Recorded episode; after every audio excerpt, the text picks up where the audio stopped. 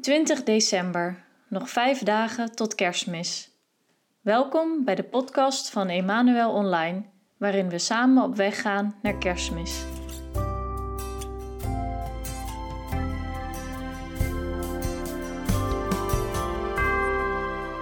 Eergisteren hoorden we hoe de engel aan Maria vertelde dat ze zwanger zou worden van de Zoon van God. De engel vertelde ook dat haar nicht Elisabeth zwanger was. Vandaag horen we hoe Maria naar haar nicht gaat om haar te helpen. Misschien is deze tekst een mooie aanmoediging voor ons om vandaag ook een bezoekje te brengen aan iemand die eenzaam is of hulp kan gebruiken. Bemoedigt, bemoedigt, mijn volk spreekt u Heer. Uw schuld en uw dienst zijn voorbij. Men roept baant weg door de dorre woestijn. Een weg voor de Heer, uw God. Zie, hier is uw God die almachtig regeert. Zijn heerlijkheid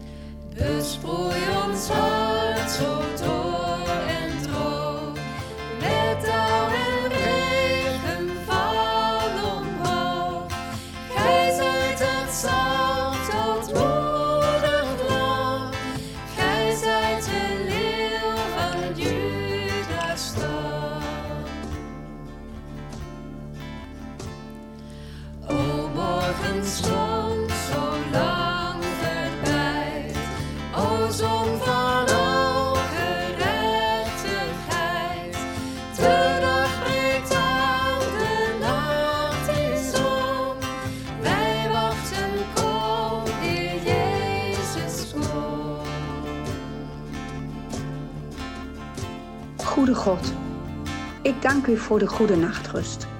Dank u voor de gevulde koelkast en het warme huis. Het is allemaal zo vanzelfsprekend en eigenlijk toch niet. Ik dank u voor de dag van vandaag, die ik zomaar van u mag ontvangen. Dank u voor alle dagen van mijn leven. Dank u voor al deze tekens van uw zorg en liefde voor mij. Heer, geef mij vandaag open ogen en oren om ze te zien en u te danken.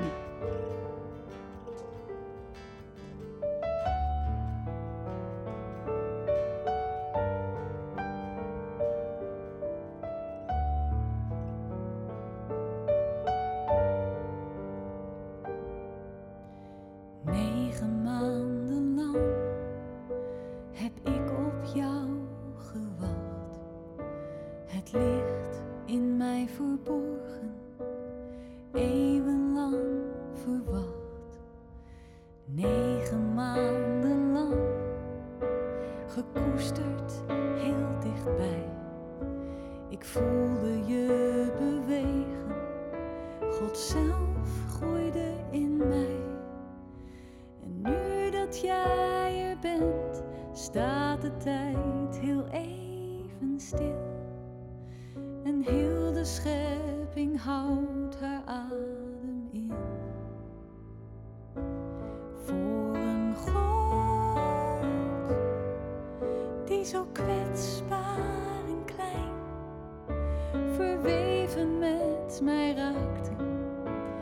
kindje wilde zijn.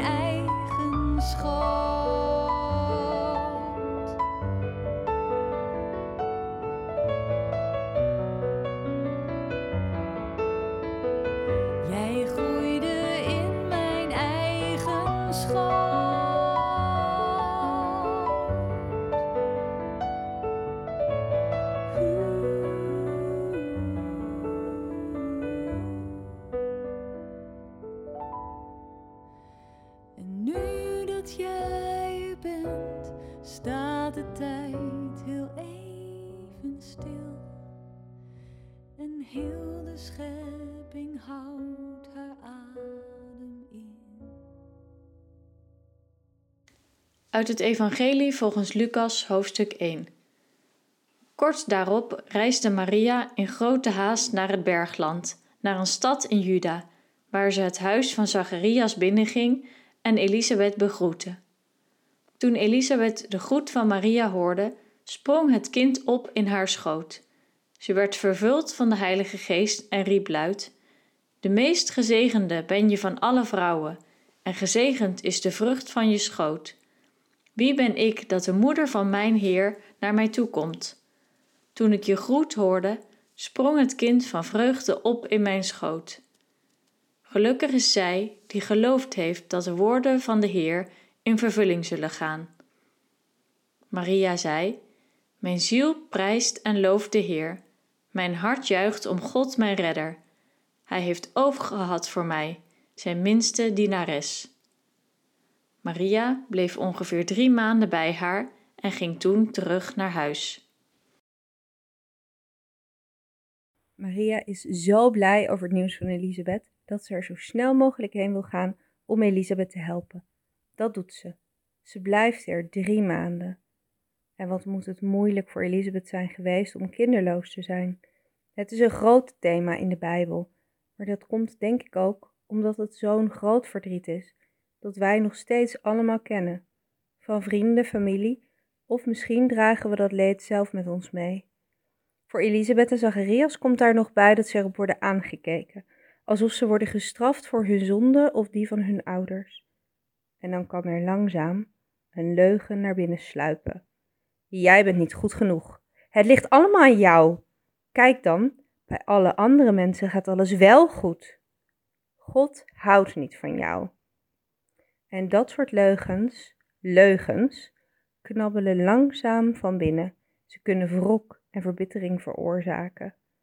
En zodra Maria het nieuws van Elisabeth hoort, is ze zo ongelooflijk blij voor haar. Maria heeft net gehoord dat ze een baby krijgt. En niet zomaar een baby, een hele speciale. Maar zij gaat naar Elisabeth om blij te zijn voor haar, om haar te helpen, om dienstbaar te zijn. En Elisabeth, die jarenlang elke maand een nieuw verdriet te verwerken kreeg, ziet Maria. Ze begint niet over haar eigen geluk. Zij bevestigt het woord van God aan Maria. Ik kan me best voorstellen dat Maria misschien aan zichzelf twijfelde. Was er echt een engel? En dan spreekt Elisabeth. We kunnen God op veel verschillende manieren ontmoeten, maar absoluut ook in andere mensen. En is het niet typerend dat Maria naar Elisabeth gaat om haar te helpen en dat zij dan zelf zo gezegend wordt? Maria is zich in elk geval van Gods aanwezigheid bewust. Ze reageert met een prachtige lofprijzing.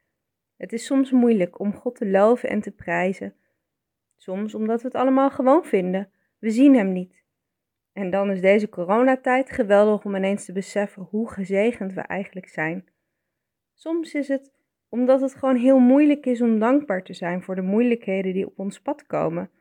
En dan hoop ik dat de woorden van Maria misschien tot troost kunnen zijn. Barmhartig is Hij, van geslacht tot geslacht, voor al wie Hem vereert. God is goed en groot en persoonlijk en Hij wil jou dat vertellen. Niet op één manier, maar wel op honderd manieren. En voor alles in ons leven mogen we God loven. Voor de dingen die we positief waarderen, maar ook voor de anderen. Want God kan alles voor het goede gebruiken. Veni, veni, Hoi allemaal, ik ben Annemarie en ik woon in Amsterdam. Ik wil jullie graag vertellen wat het voor mij betekent dat God mens is geworden. Wat kerstmis nu voor mij echt betekent. Deze vraag heeft me de afgelopen week heel erg bezig gehouden. Kerstmis staat voor de deur en wat betekent dat nu voor mij? Waarom kijk ik zo uit naar kerstmis? En het antwoord popte gisteren op in mijn hart. Het betekent voor mij dat mijn redder geboren is. Het is iets wat we vaak horen rond deze tijd. De redder is geboren. Maar voor mij is dat ook echt zo. Ik kan echt zeggen dat het mijn redder is die geboren werd. En niet iets wat 2000 jaar geleden zomaar gebeurd is en waar ik nu nog naar terugkijk. Maar het is iets wat we nu mogen leven, wat ik nu wil leven. In verwachting kijk ik uit naar kerstmis om te vieren dat mijn redder geboren is. Het is mijn redder omdat in alle momenten van mijn leven Hij degene is bij wie ik rust vind, bij wie ik troost vind. Als ik niet lekker in mijn vel zit of als ik het moeilijk vind om te praten over wat me bezighoudt, kan ik altijd bij God even gaan zitten. Bij een kruis of in mijn uh, bed, in de kerk. Overal kan ik Hem ontmoeten en even mijn hart uitstorten. Ik voel daarna vaak rust, ik voel me getroost. En op dat moment meet ik weer dat Hij mijn redder echt is. In, in alle kleine dingen, maar ook in alle grote dingen. Op alle moeilijke momenten van het leven is Hij daar geweest. Hij is mijn redder. En dat mag ik vieren. En het bijzondere daaraan is dat die redder niet in een heel groot spektakel op de aarde is gekomen. Als een soort Superman die geboren werd. Maar als zo'n klein babytje is hij in een stal gekomen. En ik weet niet of u ooit voor een kerststal heeft gestaan en gekeken heeft hoe dat nou echt uitziet. Dat stro, dat kan nooit lekker gelegen hebben. Dat prikt aan alle kanten. De stank van die beesten die er omheen liggen. En de kou die er door alle kieren en gaten moet zijn gekomen. Donker. In die tijd zullen ze vast geen verwarmde stallen hebben gehad. En hij werd daar geboren in alle kleine en nederigheid. Die grote God. Zelfs als u misschien twijfelt of er een God is. Of misschien meerdere goden. Of dat er helemaal niets is. Als u een voorstelling maakt bij een God. En dan zo'n klein babytje ziet in alle armoede. Hoe kan dat? Vraag ik me dan af. Hoe kan hij zichzelf zo klein maken? Dat kan toch alleen maar als hij dan zoveel van ons houdt en zoveel voor ons wil doen om in alle kleinheid bij ons te komen en in al die kleinheid en nederigheid wil proberen om ons te begrijpen. En later op zal groeien tot de man die alle lasten, al mijn zorgen, al mijn verdriet, mijn pijn, mijn angst op zich heeft genomen. Dat is wat voor mij kerstmis is. Mijn redder is geboren.